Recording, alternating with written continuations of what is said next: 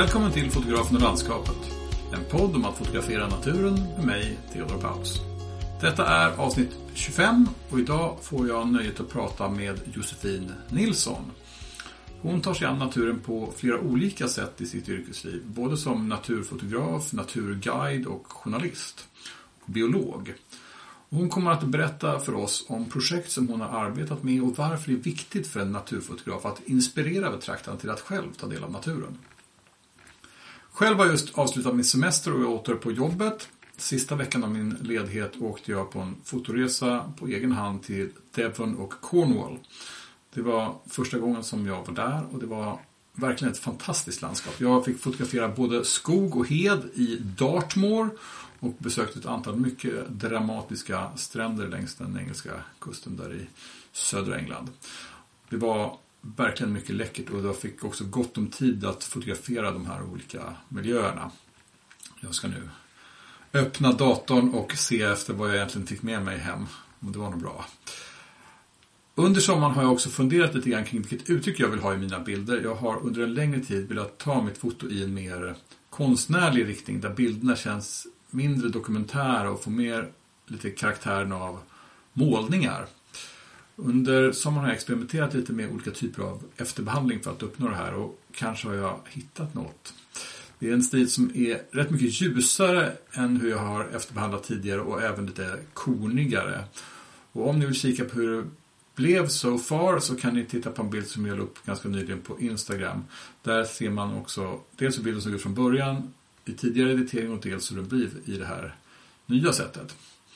Det verkar i och för sig som de flesta av er som tittade på den där bilden på Instagram föredrog den ursprungliga efterbehandlingen. Och ja, jag gillar den ursprungliga bilden också, men jag tycker också att det här nya sättet att efterbehandla väcker fram någonting lite annat, någonting som jag har varit ute efter tidigare.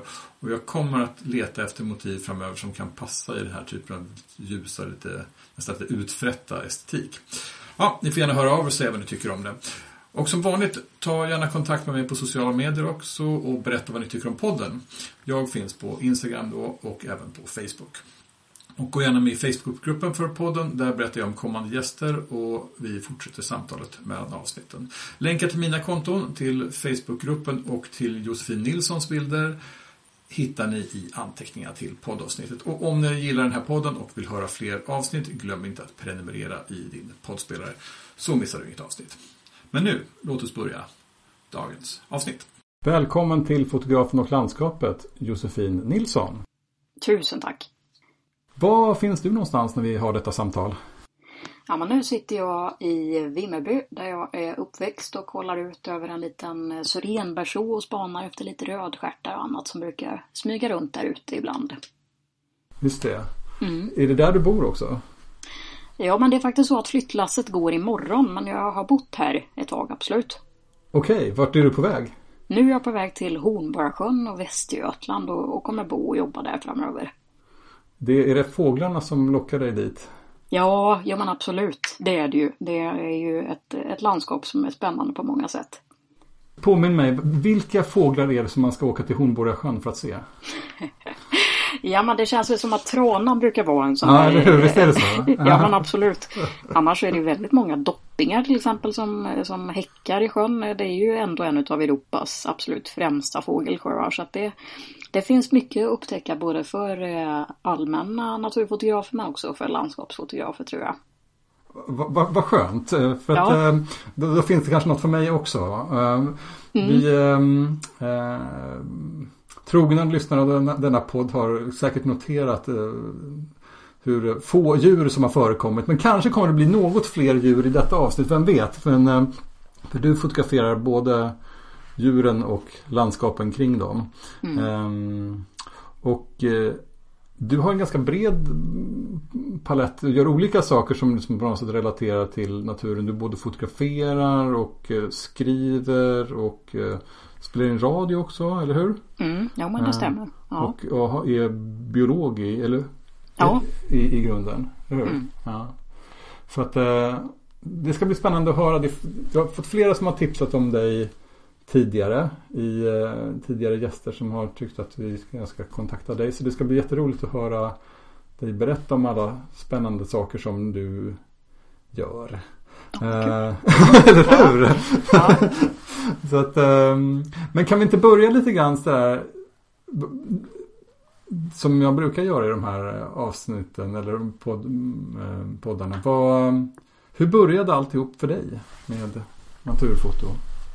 Jo men jag har ju växt upp eh, väldigt nära naturen så. Så att eh, jag skaffade min första kamera när jag var 10-12 eller något sånt. Och då blev det ju naturligt att jag gav mig ut på eh, längre promenader ner på ängarna här i området där jag växte upp. Och då då blev det verkligen så att, att kameran på något sätt eh, öppnade en dörr till naturintresset. Det blev verkligen en nyckel så. Det blev ett sätt att, att utforska världen och att bli nyfiken både på, på naturen generellt men också på alla de arter och invånare som fanns runt mig som jag kanske inte hade lagt märke till tidigare innan jag började fotografera. Så att det, det var väl så det började för mig tror jag. Okej, okay, vad var, det motiven liksom som, som eh, lockade till att fotografera eller var det upplevelsen av att gå runt i, i miljön?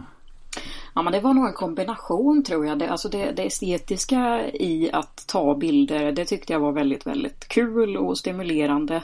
Eh, och triggade ju alltså kreativiteten på ett sätt som Eh, jag kanske inte hade varit med om innan. Men sen var det ju också just det här liksom att, att jag plötsligt började lägga märke till fåglar som storspoven till exempel. Som jag hade bott här antagligen lika länge som jag hade bott här. Men som jag aldrig hade hört innan eller sett innan. Vad hette den? Storspov var det. Okay. Ja, så att det där flöjtandet blev en sån där eh, verkligen en häftig känsla och blev på något sätt just ett sätt att verkligen börja lära känna naturen på ett sätt som har varit väldigt viktigt för mig ända sedan dess egentligen tror jag. Just det. Var det det som liksom öppnade upp naturintresset för dig? För att jag menar helt uppenbart så har ju naturen tagit en stor del av ditt liv mm. i, liksom i vuxen ålder om man säger. Jo men så var det ju absolut. Att, det, att kameran gjorde att jag började se naturen. Eh, jag började bli medveten om det. Det gick från att ha varit mer av en kuliss till att verkligen bli en, en väldigt viktig del av mitt liv. Eh, så så var det. Kan du berätta mer om hur det gick till? Eller hur det, hur, hur, hur, hur det hände? Ja, man, eh, det var nog just alltså de här promenaderna eh, samtidigt som jag försökte då att, att läsa på lite grann om vad det var jag såg, vilka växter det var jag såg, vilka fjärilar det var jag mötte och, och framförallt då kanske vilka fåglar det var jag såg. Eh, då blev det just att, alltså att naturen gick från att ha varit något som var lite mer så i bakgrunden till att det var någonting som jag var mycket mer uppmärksam på. Som jag såg mycket mer och som jag var väldigt närvarande i. Eh, så så tror jag det var det gick till i början där. Mm. Och det, var, det var väl det som blev en nyckel kan man säga mm. för mitt fotograferande. Men du var liksom inte ornitolog på, den, på det sättet utan du var mera fotograf eller? Ja, men jag, jag var mer fotograf absolut och så har det väl alltid varit att, att jag blivit någon sorts eh, fågelfotograf eh, eh, med ett stor, stor passion för fåglar, absolut. Men fotograf i första hand. Just det. Ja. Mm. ja vad hände sen då? Ja men det som hände sen var väl att jag, att jag bestämde mig för att fortsätta inom den här banan. Jag eh, utbildade mig till biolog eh, nere i Lund och samtidigt så eh, läste jag också journalistik. Och sedan dess har jag egentligen jobbat just både som biolog och som journalist och jobbat mycket med, eh, med naturen. Eh, både som journalist en del på eh, programmet Naturmorgon på Sveriges Radio. Men också med naturvägledning på olika naturrum och så. Och också en hel del som fotograf. Just det, men, men det var liksom aldrig aktuellt att bli fotograf och sen så liksom, det var de andra delarna som blev professionen. Och sen så kom journalistiken till, eller hur ska man förstå det? Ja, jo men exakt. Det var väl så att jag blev väl, alltså jag har alltid varit deltidsfotograf men det har inte varit aktuellt för mig att satsa hel, helt på det så utan jag har alltid velat ha kvar de andra delarna också. Det, det är så pass viktigt för mig med hela det här paketet liksom. Så att eh, det är väl det som jag fokuserar på mycket. Att kombinera både bild med, med text och med ljud och, och liksom eh, jobba brett med miljöfrågor och miljökommunikation. Just det. Och, och, och, så jobbar du idag alltså? Ja, jo men absolut, det gör jag. Ja. ja. Så, uh, det här natur... Uh, Vägledning, var det så du kallade det? Ja, men exakt. Ja. Vad, vad, vad, vad är det alltså? Alltså vad ligger i det ordet? Ja, det som ligger i det ordet är att jag jobbar på olika naturrum till exempel. Eh, och naturum är ju så, alltså en besöksplats för personer som vill utforska naturen. Och där har jag jobbat med att guida och sätta samman guideprogram och sådär och försöka locka ut flera människor i naturen. Så att, eh, eh, att man liksom försöker visa en väg ut i naturen för de som kanske inte så ofta är där. Jag har ju framförallt stött på naturum när man besöker eh, nationalparkerna. Där verkar det ju finnas mm. en vid varje park liksom. Ofta ja, men exakt. huvudentré. Men finns det alltså sådana på många olika andra platser också eller? Ja det finns både vid naturreservat men också framförallt då som du säger vid nationalparker. Så att det, det finns ett helt gäng utspridda över hela landet. Och de är alla väl värda besök tycker jag. Ja det brukar ju vara liksom ett bra ställe att eh, eh Jag har ju själv besökt allt fler sådana i och med att jag har liksom kommit allt mer ut i naturen. Ja. Från att ha varit en stadsrotta. Ja, okay. uh, så att, uh, så att då, då, har man ju liksom besökt de där platserna. Men, mm. uh, de ser ju ganska olika ut. Vissa är ju väldigt så här, små. Andra är liksom mera ja, ordentliga. Liksom. Mm. Så att, men så där, där, har du liksom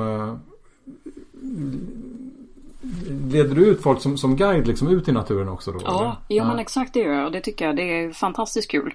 Man får verkligen både stora och små frågor och man får vara beredd på allting. Så att det, är, det är väldigt stimulerande och kul tycker jag. Ja, mm. just det. Så vilken roll har liksom fotot idag då?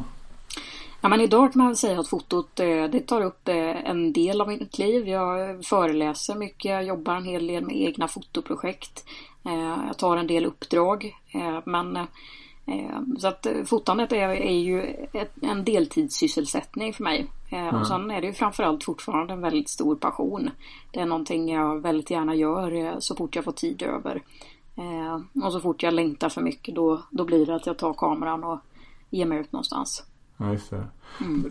Jag läste på din hemsida, du har hunnit med liksom få till 30 utställningar och du är med Naturfotograferna och, och du har liksom också flera böcker och sådär. Så att liksom det, det, det har ju blivit ganska mycket ändå över tid liksom. Om jag. Mm. Ja, ja. Eh, vad är det som gör att du fortsätter? Ja men det är nog just alltså, den här upptäckarglädjen som jag känner inför naturen. Att det, att det känns som att mm, man blir aldrig färdig. Man kan inte bli färdig som naturfotograf utan det finns alltid nya motiv. Det finns alltid nya ställen att utforska.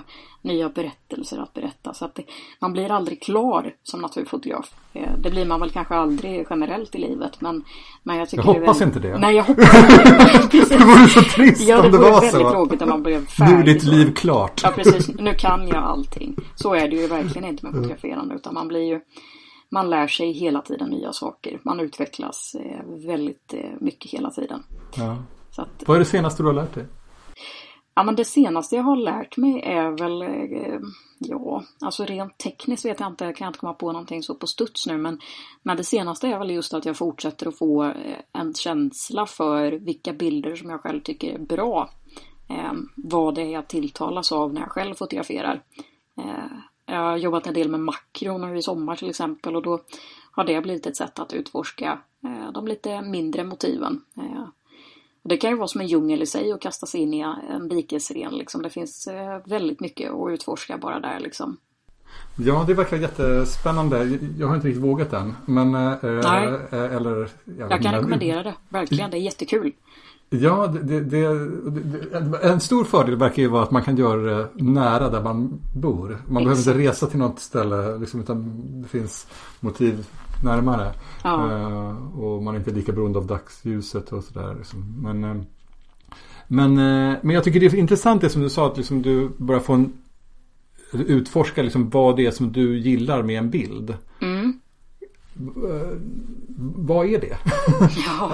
Eller liksom. Eh, det kanske, jag menar, du tar ju ganska många olika typer av bilder så jag kan tänka mig att det finns massa olika liksom, saker som du gillar. Men ha, ha, eh, är det liksom några särskilda kvaliteter i en bild som du dras till eller söker? Mm. Ja, alltså rent personligen så när jag fotograferar så är man ju på något sätt alltid ute efter en, en känsla i bilderna och den känslan tycker jag oftast brukar komma till liksom när man får en lyckad kombination av en bra komposition, man har rätt ljus, eh, man har liksom en bild som har en förgrund, kanske en mellangrund och en bakgrund. Man har liksom tänkt på många olika saker men sen samtidigt så har man vågat vara kreativ och vågat eh, försöka och bara känna bilden växa fram. Eh, och när allt det där samspelar och man har motivet med sig såklart också. Eh, mm. Då tycker jag att man kan få till bilder som, som jag tycker känns bra och känns rätt liksom. Mm, så det är både liksom lite teknik i kompositionen eller om man mm. säger, det, det, är både liksom reglerna och att bryta reglerna och att hitta ett motiv. Ja men exakt, det är ju motsättningarna på något sätt. Om man bara tar en bild liksom in, enligt alla de här reglerna som finns, då tror jag man landar i att det kan bli lite tråkigt. Men om man sen vågar på något sätt vara lite personlig i det där också, då, då blir det ofta spännande. Eller det kan bli spännande i alla fall. Så att det är väl eh, motsättningarna där, tror jag kan vara bra att sträva efter ibland. Ja. Mm. Jag tycker att det jag har ju lite grann i den här podden också försökt liksom hitta fotografer som tar olika typer av bilder. Mm. Eh, och, och, jag tycker det, det, det, är roligt att liksom upptäcka att det, det, går att fotografera naturen på väldigt många olika sätt. Liksom. Ja. Eh, det, finns ju eh, om man söker på landskapsfoto på nätet liksom, då, då hittar man jättemycket bilder som är ofta ganska lika. Liksom. Det är en mm. viss typ av estetik liksom, som, eh, som återkommer. Och det är ofta, kanske inget fel med den. Liksom, och, eh, men, men, eh, men det går att ta bilder på många olika sätt. Liksom. Ja, men verkligen. Eh, hur skulle du beskriva hur dina bilder ser ut?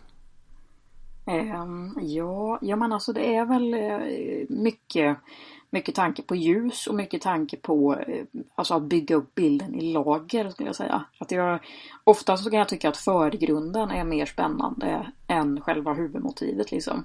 Eh, så länge jag okay. har eh, lite löv att gömma mig bakom eller någonting som får liksom en inramning till själva huvudmotivet då, då brukar jag känna att här kan det bli något spännande. Så, så förgrunden är väldigt viktig för mig. och den försöker jag jobba mycket med i mina bilder. Mm. Mm. Det där är liksom, då kan jag förstå att du är lite nyfiken på makro. Ja, ja men verkligen. Ja. ja. Uh, ja. Jag, jag, tittar, samtidigt, jag brukar göra det när, när, um, mm. under de här samtalen ibland så har jag Instagramflödet för den som jag pratar med och jag har det för dig också samtidigt. Uh, jag tittar på en bild på en fågel. Jag kan inte identifiera vilken fågel det är för jag kan ingenting om fåglar men den är i ett helt gult landskap. Alltså mm. det, det, det, det, måste vara något uh, rapsfält eller liksom uh, vad det nu kan ja, vara. Men det, allting är helt gult liksom. Mm. Så att förgrunden är egentligen bilden. Ja men liksom. verkligen. Ja. uh, så att, och så ser jag en fågel som sitter någonstans en bit in liksom. Ja. men, men så att, är, är det det som du tittar efter också när du är ute? Att hitta de där förgrunderna eller? Ja, ofta kan det vara så. Eh, och kanske framförallt när jag fotograferar landskap så tycker jag att förgrunden är ju ofta det som gör bilden, liksom det som är spännande. Om man hittar stenar i en viss formation eller om det är någonting som liksom verkligen fångar en, då vet man ofta att här har jag liksom det som kan bli kärnan i min bild. Här ska jag börja. Det som fångar en själv från början är ofta det man ska lita på tycker jag. Liksom, den magkänslan, den kommer ju med tiden och den, den ska man verkligen lita på tycker jag. Ja precis, att man liksom mm. ser någonting som, som, man, som man blir attraherad av. Som man tänker att det där skulle jag fotografera. Ja men exakt. Eh, ja. Jag kan tycka att när, i alla fall när jag själv är ute, att man ser mm. någonting, då är det ofta liksom ett motiv som man dras till. Eller i alla fall jag dras till. Liksom. Och så försöker ja. jag hitta någonting. Men ofta det som gör bilden är snarare kompositionen eller ljuset. Liksom, där, där motivet är kanske inte alltid är lika viktigt. Hur, hur, känner du kring det där? Och vad är det som är, är det motiven som är de, det dragande eller är det liksom kompositionen och ljuset? Eller? Det kanske är allting i och för sig. Ja, ja men exakt. Jo, men jag håller med dig. Jag förstår verkligen vad du menar. Att, att ofta, det beror lite grann på vilken typ av naturfoto man håller på med, tänker jag. Om, om jag är ute som fågelfotograf och har i uppdrag att ta kort på en viss fågel, då är det ju liksom klockrent ja. att det är huvudmotivet, alltså själva fågeln i sig, som är det som jag kommer fokusera mest på. Men om jag fotograferar landskap, då blir det ofta just att att det blir en kombination av att hitta en spännande förgrund tillsammans med det då som är huvudmotivet. Vad nu det än kan vara. Om det är ett träd eller om det är ett vattenfall eller vad det nu är. Mm. Så, att, så att då skulle jag säga att det är liksom kombinationen av de här olika ingredienserna som bildar helheten och som bildar det som, som lockar mig i alla fall till att ta bilder. Just det. Mm. Um, en sak som jag tänker på när jag ser dina bilder är att det är rätt klara färger. Det är mm. liksom uh, det är starka färger liksom i, i, i många bilder. Liksom. Det, eh, en del av det är ju att fåglarna har starka färger. Ja, men, men, men, även liksom ja. att det är, det är dagsljus i en del. Liksom, och det, det, det eh, Ja, det är ett ganska klart färgspråk. Liksom, den där gula bilden som jag nämnde först sticker kanske extra mycket ut. Men, men liksom det, det eh, Håller du med om det? Mm, men det blir ofta så när man jobbar lite med förgrund tycker jag. att att det kan bli, eh, om man jobbar med förgrund samtidigt som det är kvällssol till exempel, då kan det bli att man får kvällssolen genom löv då, då får man liksom den här mjuka gröna färgen. Så just, eh, jag tror att det är hur jag jobbar som fotograf som har gjort att jag har lite klarare färger ibland. Och sen är det klart att det varierar över tid och varierar över årstid och, och var man är och sådär, vilket mm. färgspråk man har.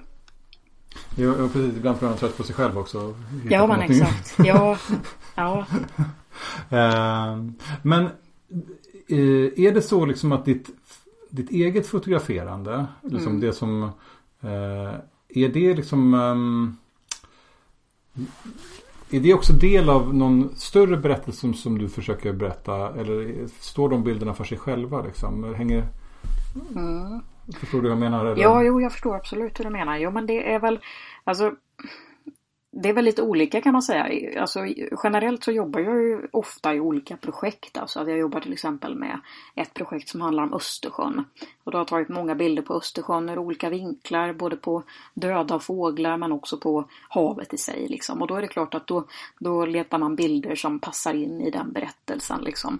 Eh, mm. Men sen är det också att det som generellt kanske är den större berättelsen i mitt fotograferande det är väl det här som jag pratade om innan just med, med utforskandet med att vilja sprida någon sorts nyfikenhet på naturen kanske och, eh, och få folk att vilja upptäcka den själva. Så att det är väl kanske det som är den, den större berättelsen i mitt fotograferande generellt. Sen kan en del bilder kanske stå för sig själva helt och hållet medan andra är en del av ett projekt eller så.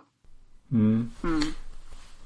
Precis, nyfikenheten liksom att på något sätt eh, väcka betraktarens eller liksom mottagarens intresse för att själv mm. ta del av naturen. Är det, är det så det ska tolkas? Ja, ja men det är absolut. Mm. Det, det, är ofta det som jag vill i alla fall. Och, och lyckas jag få någon att bli lite mer naturintresserad då är jag väldigt glad. Ja, men nästan måste det nästan vara så per definition av de människorna som du möter i de här naturrummen då när du tar ut dem. Det, någon av dem bör ju rimligen ja. bli inspirerad. ja, det blir väldigt jobbigt om ingen av dem har blivit nej, lite nej, men det tror jag nästan du kan räkna med. Tror jag. Ja, jo, en äh, person har jag nog. Ja, det tror jag. Ett par tror jag. Ja. Äh, men äh, för att om man tänker för, Ja, så det är mer drivet liksom av viljan att, att väcka nyfikenhet än att väcka liksom eh, engagemang för den hotade naturen eller så? Eller är, är det också en del av ditt eh, liksom ehm, eh, av ditt berättande? Mm. Det går väl väldigt mycket hand i hand skulle jag säga.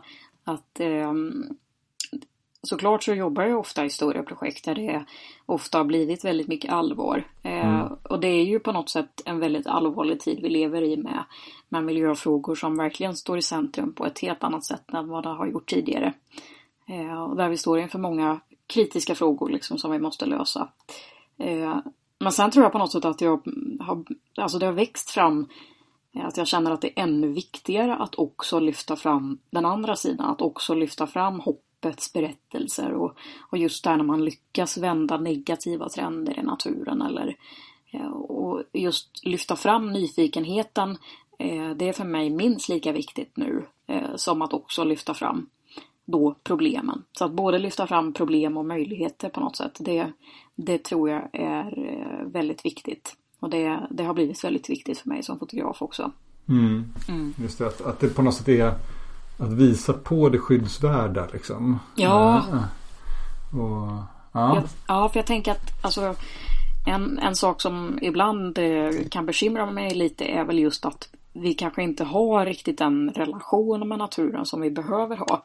Att naturen kan kännas lite främmande sådär. Eh, så där tänker jag att, att vi som fotografer har en väldigt viktig roll just att visa bilder, att visa eh, vad naturen egentligen är och, och, visa alla arter som finns i vårt land och som, eh, som är väldigt spännande och alla har sin berättelse liksom. Så att naturen inte bara är någonting som är långt bort utan är någonting som är, är nära oss alla och som är viktigt för oss alla.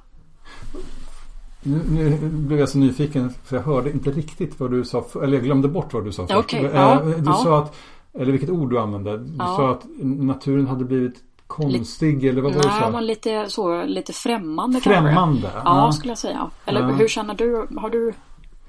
Nej men alltså eh... Förstår du vad jag Nej, inte riktigt. Jag, jag, jag, jag, kanske förstår men jag skulle ja. vilja höra dig berätta mer. Ja. vad du menar. Ja, ja men alltså. Det är väl just kanske att, att vi eh, vi lever ju inte på samma sätt som människan har levt tidigare. Eh, tidigare i historien har vi levt mycket närmare naturen. Och då har det också blivit mycket, mycket mer naturligt att vi håller koll på naturen och, och liksom lever mer mm, i symbios med naturen. Eh, nu så har vi ju eh, ett annat sätt att leva på gott och ont och då är, naturen lite längre bort och lite mer frånvarande kanske. Ah, Okej, okay. ja. då, då, då, fattar jag hur du menar. Mm.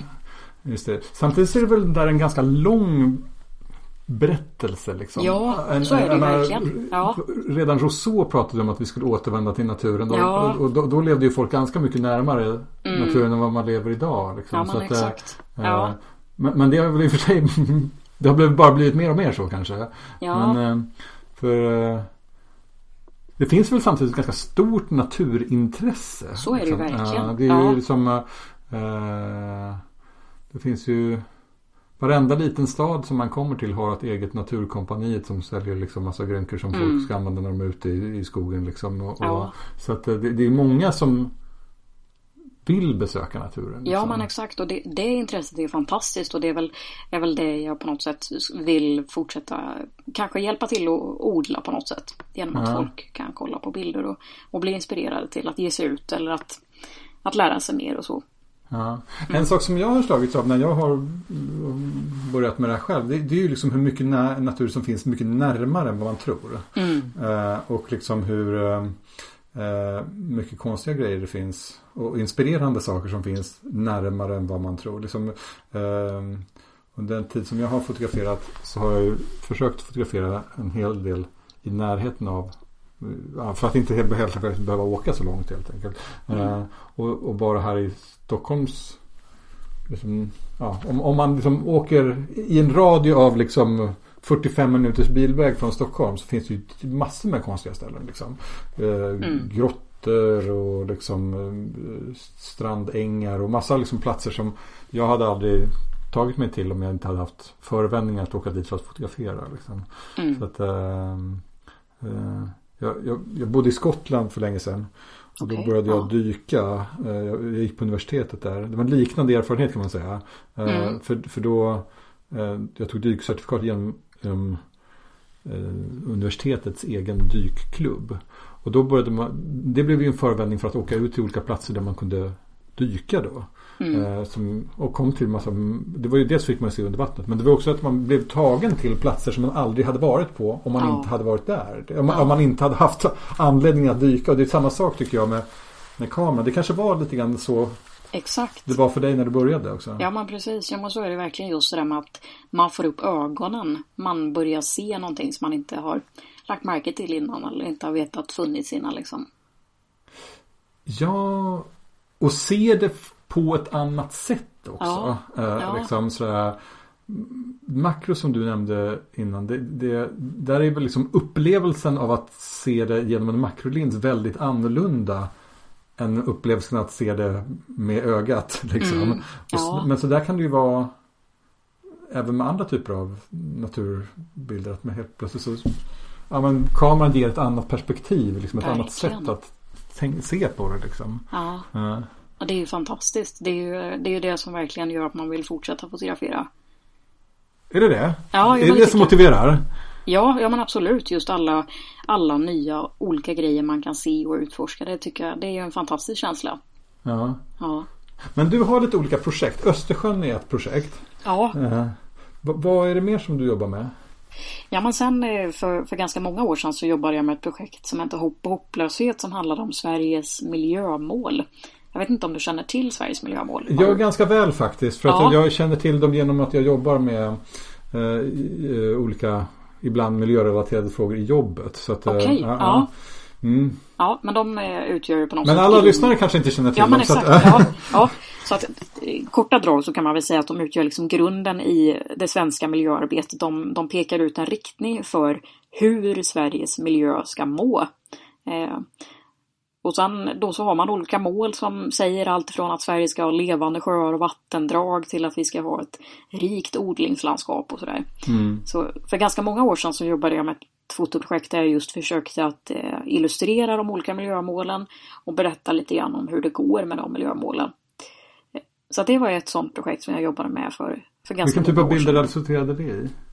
Ja, men det, det resulterade väl i ett ganska brett spektrum av bilder eftersom det är ett brett spektrum av miljömål. Det var ju allt från storslagen miljö eller storslagen fjällmiljö liksom till just eh, ett levande hav och kust och sådär. Så att det var ju allt från havsbilder till fjällbilder till fågelbilder och blombilder till eh, lite mer bilder då som visar liksom den andra sidan kanske av hur, hur miljön påverkas och sådär. Mm. Mm. Just det. Och, eh, var det ett uppdragsprojekt då eller var det någonting som du gjorde för liksom, din egen? Ja, det var någonting jag gjorde liksom för att jag själv kände eh, att det var intressant och lockade mig. Just det. Ja. Blir det också en inramning liksom till att jag, jag tänker när man ska vara kreativ så brukar kreativitet brukar ju gynnas av restriktioner. Ja, Liksom om någon säger till dig så här, kom på en rolig idé. Ja. Då är det jäkligt svårt. Men liksom om någon säger, kom på en rolig idé om en fjäril som är blå. Liksom, då är det mycket lättare. Liksom. Eh, Jag vet inte, kanske lite lättare i alla fall. Men, men, men, men liksom, det, det är mycket Ja. svårare att vara kreativ utan att ha restriktioner. Eh, Och jag tänker att ett sånt projekt som du när du säger att nu ska jag fotografera miljömålen. Liksom, Då skapar du ju en restriktion för dig själv. Ja. Liksom en avgränsning. exakt. Upplever du att det på något sätt gör det lättare för dig att vara kreativ Ja, men det är spännande. det? Det tror jag absolut. Verkligen. Det tror jag ligger jättemycket i det du säger. Att när man just Kanske är det därför jag gillar att jobba i projekt så mycket som jag ändå gör. Just för att när man liksom har en, en gräns. Nu ska jag jobba med ett projekt som handlar om Östersjön. Vilka bilder behöver jag då?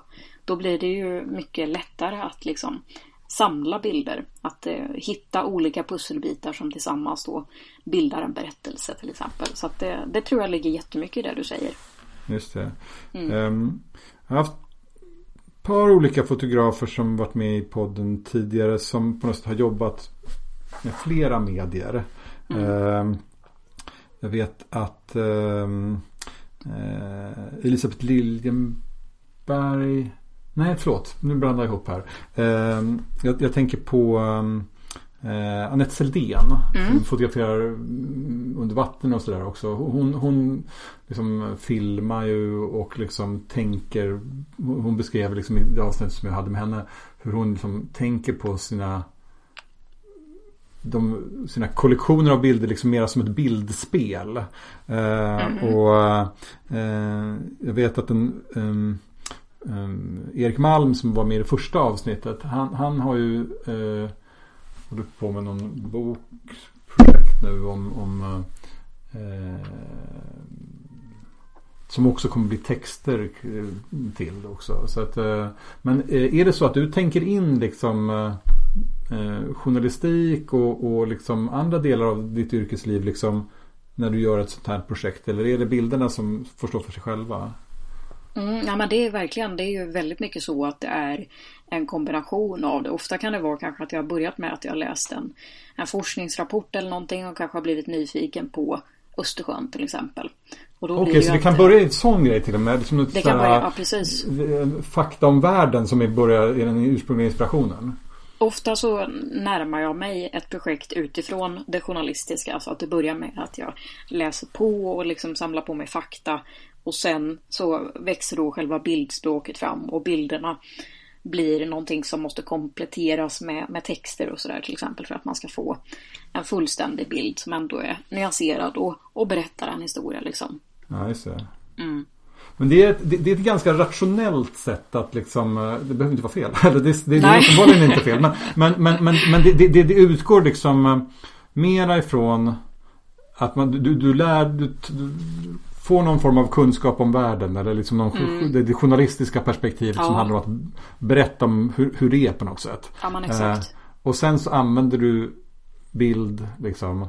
Ja. För att, som illustration till den berättelsen då. Exakt. Ja. Ja. ja. spännande. Ja. Uh, uh, jag tycker det är Det där är också någonting som man kan tänka på att man kan ha olika ingångar liksom, i, mm. i, i bilderna. Liksom. Um, och om, om det på något sätt bilderna blir någonting som man använder för att berätta en berättelser som, som i någon mån kan stå utan bilderna också. Liksom att de blir mm. på något sätt uh, illustrationer till någonting. Eller om bilderna på något sätt är de, det som berättelsen utgår ifrån. Liksom. Mm. Där tror jag att fotografer är lite ja, man har lite olika ingångar liksom. Ja. Uh, uh, det är nog väldigt olika. Det tror jag absolut. Uh. Ja. Men eh, är min, nu, nu liksom lägger jag lite grann ord i munnen på dig så för jag kan inte låta bli. Ja, okay, men, ja, men, är, är, är, men är, det, är det så du, är det rätt förståelse av hur du jobbar? Liksom att, att du börjar med en idé och sen så på något sätt kommer bilderna liksom som, som det som illustrerar idén. Liksom. Det, mm. det, det är inte så att du börjar med en bild och så tänker jag vad kan det här berätta för någonting? Det kan ju vara åt båda håll, absolut. Eh, I början när jag fotograferade så tror jag det var mer att jag började med en idé och sen fick bilderna växa fram. Nu kan det vara liksom att jag har tagit en bild på en viss fågel eller en viss art och sen blir jag nyfiken på det och då så växer det därifrån liksom.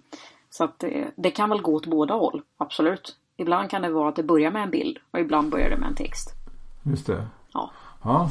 Um, har det funnits liksom tillfällen för dig som varit så här defining moments? Uh, ja. Eller liksom uh, där ditt uh, fotograferande kanske ja, tog en vändning eller liksom ja, där, där det hände någonting som påverkade det mycket framåt?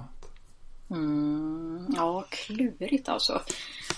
Jag tänker medan jag funderar, kan inte du berätta om du har något sånt? Det var bra. Jag, jag ska ja. fundera på, nu ska jag säga, nu måste jag tänka efter själv. Jag, jag, jag är så van vid att få ställa frågor och så, så, så ska alla gästerna göra jobbet. Men ja. jag måste, då måste jag tänka efter själv. Mm. Um, jag tänker att vi kan ha en gemensam tystnad på fem minuter eller något när vi tänker kanske. Eller hur? Blir det bra så får vi se hur många som är kvar ja. till slutet. nej, nej, men det lovar jag ja. att det ska vi inte göra. Men, uh, men för min del så uh, skulle jag nog säga att Eh, det som på något sätt Det som gjorde att det blev naturfoto för mig. Eh, att det var det som jag liksom snöade in på. Eller liksom valde. För jag hade hållit på mycket med annan typ av foto. Eller egentligen jag hade liksom sökt efter ett motiv kan man säga. Jag, jag, jag mm. liksom köpte en, eh, en kamera och, och, sen så gick jag en kurs. Liksom, hur funkar en kamera och, och sådär. För jag var intresserad av foto i största allmänhet. Men jag hade liksom Men det, jag tror att för mig så var det nog när jag åkte till Island som, som jag hade liksom ingen stor tanke om att jag skulle börja, börja med landskapsfoto. Det, det var mer att jag, jag kände den person som arrangerade den där resan. Och det var inte en renodlad landskapsfotoresa heller. Utan det var en det var en uh, fotoresa. Det, var ganska mycket av fotot där på Island var, var modefoto. Vi hade med oss, ja, ja. Det, det, var, det var med en fotograf som hette Emma Svensson som, mm. som, uh, som var också hon som hade haft den första kursen som jag gick på, natur, på, på uh, Fotografiska i Stockholm. Mm. Då höll hon en så väldigt basic kurs i vad är, hur funkar bländare och ISO. Liksom. Det, var, det var på den nivån. Liksom. Mm. Uh, och sen så, men hon hade också en, har fortfarande tror jag, en, en resebyrå. Uh, där hon arrangerar fotoresor. Men, men det var liksom inte en renodlad naturfotoresa. Utan vi hade med oss både modell och eh, makeup-artist. eh, så, så, att, eh, det var väldigt roligt. Så att, ja. Så att vi, vi, det var ehm, Så hon svidade om till massa läckra outfits där. Och liksom, mm. Så vi tog bilder i, i ehm, på, på, ett antal ställen som är så att klassiska landskapsfoto-locations i på Island, på, vi var eh, i vattenfallet Bruarfors till exempel. Oh. Mm. Eh, där har jag bilder från liksom med, med vad, jag kommer inte ihåg vad hon hette nu den där. Det var hon som var modellen. Men hon i alla fall i, i eh, lång sidenklänning stående i vattenfallet liksom. Men, eh, och, och, och, men, men jag tror att möjligen var det liksom i det det kanske var i Bruafors. Eller, så var det liksom på stranden vid Vik där, där vi också var. Um, uh, som jag tyckte att det var roligare att fotografera vattenfallet utan modellen ja. än med modellen. Ja. uh, det var i och för sig ganska kul att fotografera med modellen också. Men, men, uh, men det, jag tror någonstans det var där som på något sätt det, det var nog lite grann en defining moment för mig. Mm. Att för efter det så kände jag att det här skulle jag vilja utforska mer. Mm. Och sen, sen, så gjorde jag det jättemycket eh, på olika sätt. Men, men jag tror att om man ska, liksom, om man ska koka ner det till en enskilt tillfälle liksom, så kan det mycket väl varit så att mm. det var i vattnet där vid Bruarfors. Ja, vad kul. Vad häftigt. Ja. Ja. ja. Ja, och nu har jag fått betänketid då. Eller hur? Nu, nu borde nu, vara, nu ja. ja, nej, men då kommer jag väl inte vara lite mer vag tror jag. Inte ha något så speciellt att det var liksom, det var den 12 augusti 1900 bla bla bla. Utan jag tror mer generellt att, att ett sånt ögonblick kan ha varit just när man hade kommit, när jag hade kommit så pass långt som fotograf så att jag ändå tog en bild som blev som jag hade tänkt mig. Att det kan ha varit ett sånt ögonblick. För i början när, jag fotograferade i alla fall, då var det mer liksom slentrianmässigt. Eh, men sen med tiden så, så blev jag ju gradvis mycket mer medveten. Eh, och då kunde det vara så att man liksom hade en idé från början att nu vill jag ta en bild som ser ut så här. Och sen när man kom hem och kollade på, på datorn på bilden och insåg att men det blev ju faktiskt så som jag ville att det skulle bli. Ja. Jag tror att det var en sån känsla som eh, jag tycker var väldigt häftig i alla fall och som, som fick mig att växa mycket som fotograf. Hur lång tid tog det för dig att komma till den punkten? Ja men det tog kanske två, tre år eller något. Eh, sen är det ju klart att det har blivit flera sådana ögonblick under, under resans gång i takt med att man kanske blir bättre och ibland blir man sämre och sen kanske man blir lite bättre igen. Eh, och sen är man medelmåttig. Eh, så att det kommer ju hela tiden sådana ögonblick tänker jag när man eh, känner att ja, men nu, nu var jag medveten, nu gjorde jag det jag ville, nu fick jag det jag ville liksom. Ja. Mm. Jag tycker det är en väldigt spännande tanke som du är inne på nu. Liksom ja. så här, eh, förmågan att visualisera i förväg hur det ska bli. Ja. Eh, eh, att liksom Dels kanske att kunna göra det innan man ens går ut. Ja. Men också liksom det där att man står i naturen och så tänker man att det här skulle jag vilja fånga i en bild som skulle kunna se ut så här. Mm. Och sen så tar man en bild och sen så blir den så som man ville. Mm. Det tycker jag känns ju som så skulle jag vilja att det var när jag fotograferade.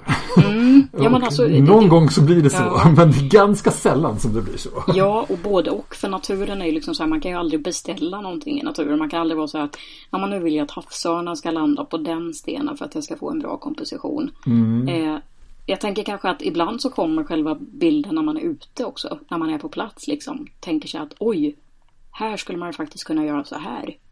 Just det. Och så kan det vara liksom att man faktiskt försöker få till det. Och ibland lyckas man inte.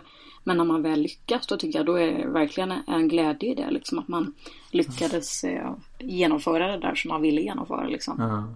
Mm. Men hur, hur ofta är det så för dig att du liksom så här, när, när du liksom eh, tar en bild och har en idé om hur du vill att den ska vara. Att den sen också blir ungefär så. Mm, ja, vill du ha ett procentsvar? Nej, ja, jag vet inte. Jag... är, det, är, det, är det liksom ofta eller är det ytterligt sällan? Ja, det är väl, eh, alltså det är ju mer åt sällanhållet. Sen blir det ju mer ofta ju mer man fotograferar och ju mer man lär sig och, och kanske framförallt vilk, desto tydligare bild man har liksom av ja. vad det är man vill, eh, vill få fram liksom. Ja. ja. Jag vet en gång när jag verkligen eh, hade så en tanke. Det var på, på Ölands södra udde. De har väldigt mycket sälar där. Och då så hade jag en bild som jag hade visualiserat sådär att jag ville få en bild på en, en säl i profil liksom så att man bara såg huvudet i, i motljus med så här ett mm. guldigt gryningsljus. Och då, då jobbade jag ganska mycket för att få till den här bilden. Jag kravlade ut där i, i tången någon gång, tre på natten eller någonting och, och låg där och inväntade rätt ljus och inväntade att sälarna skulle vakna och sådär. Och, och det var en sån känsla när jag väl fick den där bilden att jag kände att ja, men vad kul, vad roligt, nu blev det ju verkligen som jag hade tänkt mig. Det var ju superkul. Så när det väl händer då, då glömmer man det inte utan då, då kommer man ihåg det tycker jag. Ja, det, det, det, det måste ju vara en häftig känsla. Ja, det är kul. Det, ja. det är jätteroligt. Jag är fortfarande på den nivån att jag känner liksom att ibland så tar jag en bra bild. Och då, då, det, det känns som att det är liksom så här, lite grann som att ibland så råkar jag titta på klockan när, när den är exakt så som den eller vad, vad heter det? När en, ja. en klocka som står still visar tiden rätt två gånger om dygnet. Det är liksom så här, ibland så råkar jag titta på min klocka som står still. Ah, det är rätt tid liksom. Ja. Men, ähm, nej, nu, men, nu känns det som att du är väldigt eh, blygsam. Jag som har kikat på dina bilder tycker att eh, det inte bara är så. Men jag visar ju bara upp de bilderna. De, alla de dåliga bitarna lägger ju inte ut. Ja men så, det är ju samma sak för mig liksom. Man tar ju en miljard bilder som är anskrämliga som eh, så. Ja. ja. Nej, äh, men jag tycker ändå att det, det, det för det, äh, det är inte, det kan ju vara ett ideal det där. Att, mm. liksom, att, att bilden blir som man hade tänkt. Mm. Men du var ju också inne på tidigare när vi pratade att liksom Uh, ja, då pratar du mer om att, det, att man bryter mot regler och sådär. Men jag tänker också att en viss grad av att liksom på något sätt bilden överraskar en i positiv bemärkelse kan ju också vara kul. Liksom. Att det, mm. det blev inte som jag hade tänkt men det blev bra. Exakt. Kanske ännu bättre fast på ett annat sätt. Liksom. Ja ja. Så det är på något sätt det är ju alltid de här motsättningarna. Liksom. Man tilltalas både av den planerade bilden men också av den spontana bilden. Eh, och att vara naturfotograf är ju väldigt mycket spontanitet. Även om landskapsfoto kanske ofta är lite mer den planerade sorten. Så, så att generellt vara naturfotograf bygger väldigt mycket på att man, man är en del av naturen och man försöker att, att fånga det som händer där och då. Liksom. Så att det är ju hela tiden hela spektrumet som är härligt på något sätt. Känner du att du är en del av naturen? Mm, ja, alltså rent generellt så är ju människan en del av naturen. Eh, rent, rent biologiskt. Ja, men ja. rent känslomässigt när du är ute ja, liksom. Ja, alltså jag känner mig väldigt, väldigt närvarande i naturen i alla fall. Ja. Jag känner väldigt så att jag eh, ser mycket, jag känner mycket när jag är ute. Så att jag är ju verkligen en naturmänniska på så sätt. Ja. Mm. Är du mer naturmänniska än fotograf? Um, vet inte. Alltså jag tänker att, att eh, båda två har nog, eh, delar nog eh, första platsen tror jag. Delad första plats? Ja, ja, jag kan nog tyvärr inte välja där tror jag inte. Nej, nej, nej. nej, men, nej. Men, eh, för det verkar ju vara liksom ett integrerat del av, av, av, av, av um, alla de här delarna för dig verkar ju hänga ihop rätt mycket. Liksom. Mm. Du, det låter ju som att du får till det ganska bra. Ja, du... ibland eh, kanske jag får till det i alla fall. Ja. Ja, ja, men på något sätt liksom alla de här delarna som du verkar känna mycket för. Liksom, du har ju mm. liksom lyckats hitta någonting som där du kan liksom, um, få alla dem att samverka på ett, på ett um, bra sätt. Liksom. Mm. Det, det, det, måste ju vara kul. Ja, det är roligt. Um, jag tänkte, när du är ute, hur jobbar du då? Liksom? Eh, du antyder att det kan vara på lite olika sätt. Att ibland mm. så är du planerad och, och jobbar med ett projekt och ibland kanske sker på något annat sätt. Liksom. Men har du några standard operating procedures för hur det går till när du fotograferar? Mm, alltså ibland så är jag superspontan och då, då gör jag inte mer än att ta med mig utrustningen och gå ut. Eh, annars så är jag kanske mer planerad och då håller jag mer koll på, på väderprognoser, eh, håller lite koll på platsen där jag ska vara såklart. Jag försöker lära känna den, läsa på om platsen och läsa på om vad man kan hitta där och, och sådär. Eh, speciellt om man ska åka till en helt ny plats så tycker jag det är väldigt värdefullt att, att kolla på lite bilder innan som är tagna från den platsen och försöka liksom känna in området redan innan och, och kanske bygga upp någon sån där bild i förväg. Man tänker att ja, man jag skulle vilja ta, ta någon bild som visar den här lilla skogsgölen eller jag skulle vilja ta någon bild på en tall. Så att man har med sig någonting ut så som man vill, vill få med sig hem igen. Liksom. Just det. Eh, så att, att läsa på lite grann, kolla väder, eh, packa kameraväskan, eh, få med sig något trevligt sällskap kanske. Eh, Okej, okay, ja. du, du, du, vill gärna vara inte själv när du är ute? Ja, det är, det är en bonus om man kan få med sig någon. Men oftast så är jag själv. Ja. Ja. Mm. Just det. Ja. ja. Och sen hur går det till sen då? När du ja, väl kommer dit? Ja men sen när jag väl är ute då eh, också väldigt olika såklart. Då är det väl mer att man liksom man eh, packar upp alla grejer. Eh, ska jag ta en landskapsbild så är det ofta att jag kanske först strosar runt lite grann och är, är ganska långsam i att just lära känna platsen. Att försöka så liksom se att ja, vad har vi för moln åt det hållet? Hur ser förgrunden ut här? Så mer att jag kanske strosar runt utan kameran en stund. Eh, och sen så börjar jag leta efter det där som jag eh, tycker att jag ser mest, det där som jag fastnar på hela tiden. Det kanske är en, en sten som är jättespännande eller det kanske är ett speciellt träd som fångar min blick varenda gång. Då, då inser jag att det är därifrån jag ska börja bygga upp bilden. Så då försöker jag visualisera det liksom lite innan och, och leta, leta efter ingredienserna som jag sen kan försöka få ihop i en bild. Liksom. Just det. Mm. Hur många rutor får du hem, med dig hem eh, från en utfärd en dag? Liksom? Ja, men om jag är ute enbart som landskapsfotograf då kanske det är 15-20 bilder som jag får med mig hem. Om mm. jag, jag liksom har någon sorts kombinerad fototur där jag både tar kort på fåglar och, och lite mossa och lite allt möjligt. Ja, men då kanske det är 150-200 bilder som jag får med mig hem. Ja. Mm. Och när du säger eh, 15-20 bilder. Mm. Är det liksom 15-20 olika motiv eller kompositioner liksom? Eller är det liksom varianter av samma bild liksom? Det kan vara både och tänker jag. Om, om jag hittar något motiv som jag verkligen känner att det här vill jag jobba med. Då kanske jag har tio olika bilder med lite olika exponeringar och lite olika vinklar eh, på just det. Och sen kanske några bilder från andra vinklar och på helt andra saker. Eh, men just när det är landskapsbilder då tycker jag då blir det ofta just det är mycket mer tålamod i den processen. Det är mycket mer gradvis arbetandet mot en bild som man känner att det här var det jag ville ha liksom. Anledningen till att jag frågar är att jag tampas rätt mycket med det där själv. Mm. Um, um, hela, jag tror att en av de sakerna som har gjort att jag har dragits till landskapsfoto själv har, har ju varit förmågan att ändå kontrollera motivet. Ja. Att, att, liksom, att det är långsamt. Jag, ja. jag, tycker det verkar jättestressande att fotografera människor till exempel. För man måste liksom förhålla sig till ja. motivet. Eh, Medan naturen kan man, kan man liksom jobba långsamt med. Men det där har, för mig har det ganska stor risk att det slår över. Liksom att mm. det, jag håller på att gå runt för länge och håller på att jobba med en och samma komposition för länge. Och så, så kommer man hem så hade man liksom ganska lite material med sig hem. Och, Um, Christer Berg var på, i podden för ett antal avsnitt sedan. Mm. Uh, och han, han har ju, jobbade ju som um, alltså, med kommersiellt foto, jobbat på någon tidning tror jag. Uh, han tog i alla fall väldigt många bilder för att uh, han skulle fotografera kommunalråd och, mm. och vad det nu var för någonting. Och då så han berättade ju hur liksom, han hade med sig från den tiden liksom, hur han jobbade väldigt snabbt. Liksom. Han tog mm. väldigt många bilder. Liksom. Mm. Så att nu när jag var ute här för ganska nyligen så var jag på, ett, var jag på en och samma skog vid flera tillfällen. Mm. Ett ganska litet skogsområde. Och när jag kom hem därifrån första gången så hade jag ganska många bilder fast ganska få kompositioner. Så nästa, mm. nästa gång så ålade jag mig så nu ska jag ha tio kompositioner med mig härifrån. Ja. Liksom.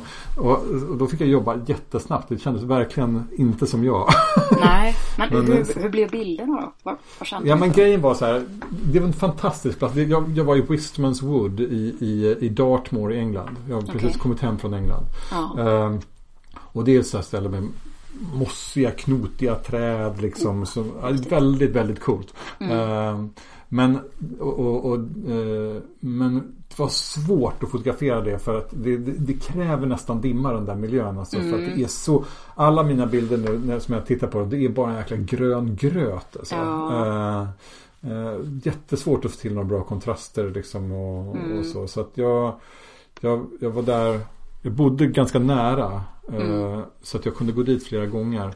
Men jag är inte säker på att jag trots att, att jag var så nöjd med de där bilderna. Men det, det var ändå bra. Att, det där sättet mm. att jobba var ändå disciplinerande för mig. Mm. För att det gjorde att jag var tvungen att liksom tänka nytt liksom mm. istället för att hålla på och finlira med någonting som kanske ja. inte var superbra ändå. Liksom. Ja.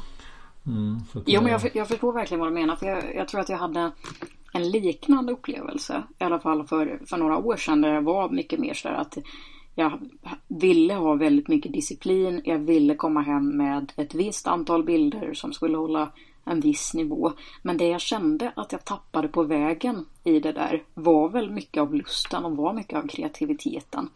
Eh, så att sen så blev det väl kanske att jag jobbade lite mer åt andra hållet istället. Att jag tog fler bilder men att jag tog dem lite mer slentrianmässigt just för att få tillbaka den där magkänslan som man kan få när man gör det lite mer i farten. Uh-huh. För då blir det ofta lite roligare också. Att man blir lite mer lekfull och man, eh, ja, man, man känner att man får med sig flera bilder där kanske flera är halvbra. Det kanske uh-huh. inte är någon som är superduperbra men, men ofta så kan flera halvbra bilder kännas bättre än en väldigt bra bild som man kanske verkligen har kämpat för mycket med och liksom tappat lusten inför istället.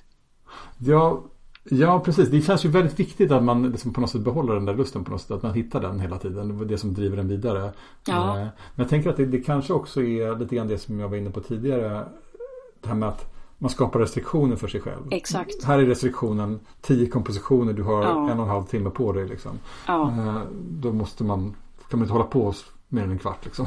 ja, och har man med sig liksom. Eh, jag tänker typ ibland när jag tar landskapsbilder då kanske jag har med mig någon och då vet man liksom att när den personen har gått därifrån då vet man att nu får man faktiskt ge sig. Nu, nu, kan, nu kan man liksom inte hålla på mer. Så att där kan du, har man problem med det här så ta med dig någonting, någon person som kommer tappa tålamodet. För då vet Precis, man att, ja. det sociala priset för att fortsätta med perfektionen blir för stort. då, då ja, ja, men precis. Ta med någon person som står dig väldigt nära också för då blir det alldeles för högt pris. Ja, ja, ja. Det, det, låter bra. Du, eh, vi börjar närma oss slut. Jag har några frågor kvar till dig. Mm. Um, men, och en fråga är, vad har du för tips till andra fotografer hur de kan bli bättre och utvecklas i sitt fotograferande? Men det är väl dels eh, som man alltid säger, kolla väldigt mycket på andra fotografers bilder. Kolla väldigt mycket på dina egna bilder. Tänk vilka bilder gillar du? Varför gillar du dem? Vad är det som just du tilltalas av när du kollar på bilder? Ehm, sen att hela tiden försöka lära känna sitt motiv om man tar kort på, på landskap, läs på om platsen. Läs på om den platsen har en speciell historia. Och fundera på om du kan lyfta fram det i en bild på något sätt. Ehm, så lär känna både fåglar och lär känna en plats. Det vinner man väldigt mycket på. Ehm, ja, men och sen våga lita på ens eh, magkänsla på något sätt. Ha roligt när man fotograferar. Våga vara kreativ. Våga vara närvarande. Och våga utforska. Just det. Mm. Mycket bra. Ja. Eh, det, det, ska vi alla ta till oss. Ja. Eh, och sen så undrar jag också lite grann om du har tips på andra fotografer som du skulle tycka var kul att höra i den här podden framöver. Mm, ja det är ju alltså det är ju många namn såklart. Ja. Eh, men jag tänker om jag ska nämna några så så är det väl kanske Jonathan Stenvall som jag tycker är väldigt duktig. Sen tycker jag att Camilla... Honom känner inte jag till. Vilken typ av bilder tar han? Eh, men han tar både fåglar men också lite landskap och sådär. Han är, han är en väldigt duktig ung fotograf. Eh, som är baserad i Stockholm och har en väldigt, väldigt stor talang tycker jag. Okej. Okay. Mm. Ja, eh, sen är det Camilla Noresson. Eh, mm. du hon har redan varit med faktiskt. Hon har redan varit med, ah, ja. Ah. ja. Så att hon var med Ja, det, det var ett antal avsnitt sen. Okay, Vi pratade ja. både makro och annat eh, foto. Ja, spännande. Hon Ja. är väldigt duktig tycker jag. Verkligen. Ja, absolut. Ja, och Johan Lind tycker jag också är väldigt duktig. Eh, om du känner till honom. Nej, honom känner jag inte till. Ja. Vad, vad, hur... Han, är, kan man också, han närmar sig också fotografi lite från vetenskapshållet. Han jobbar eh, på Stockholms universitet och eh, kan verkligen naturen och sådär. Och, och tar både kort på djur men också på landskap på ett spännande och, och kreativt sätt tycker jag. Just det. Ja. Mm. Ha, kul. Eh, ytterligare någon? Eller? Nej? Ja, jo men jag har, jag har två namn till på min lista. Ja, ja, absolut. Shoot. Precis. Sen lite mer klassisk eh, landskapsfotograf är ju Sven Persson som jobbar väldigt så renodlade landskapsbilder. Eh, väldigt mycket känsla för komposition. Eh, alltid inspirerande att kolla på hans bilder tycker jag. Ja. Och sen är det en duktig tjej som heter Marie Mattsson som jag också vill passa på att lyfta fram som jag tycker är eh, ja, men en, en, kreativ fotograf som också tänker mycket i sina bilder tycker jag. Sven Persson känner jag till sedan tidigare. Men hon, eh, förlåt, vad hette hon sa du? Marie Mattsson. Marie. Mattsson. Eh, henne har jag inte koll på. Mm. Vad kan vi säga om henne? Ja men det är väl just det, alltså hennes kreativitet och att hon jobbar, alltså det, hon jobbar målmedvetet med olika platser så som hon, som är i närheten av henne, som hon lär känna och fotograferar mycket i. Kul! De får Ja. vi kolla upp. Och Ja. som vanligt kommer jag att eh, i länkarna till, eh, eller i anteckningar till det här poddavsnittet så finns ju länkar till eh, de här personerna som du tipsar till deras ehm, eh, ja, man kan, där man kan hitta deras bilder. Ofta brukar jag länka till Instagram-konton om de har Mm. det. Ja. Ehm, ja, men därmed så, så är denna tid slut. Vad roligt att du var med. Tack så hemskt mycket för att du var med idag. Ja men tusen tack själv!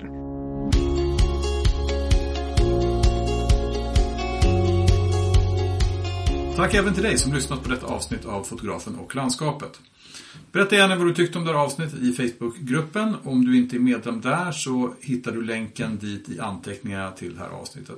Där hittar du även länkar till Josefins bilder och länkar till de eh, fotografer som hon tipsade om i slutet av avsnittet. Samt länkar till min Instagram och Facebook. Och avslutningsvis, om du gillar den här podden och vill höra fler avsnitt, glöm inte att prenumerera i din poddspelare så missar du inget avsnitt. Vi hörs igen om två veckor.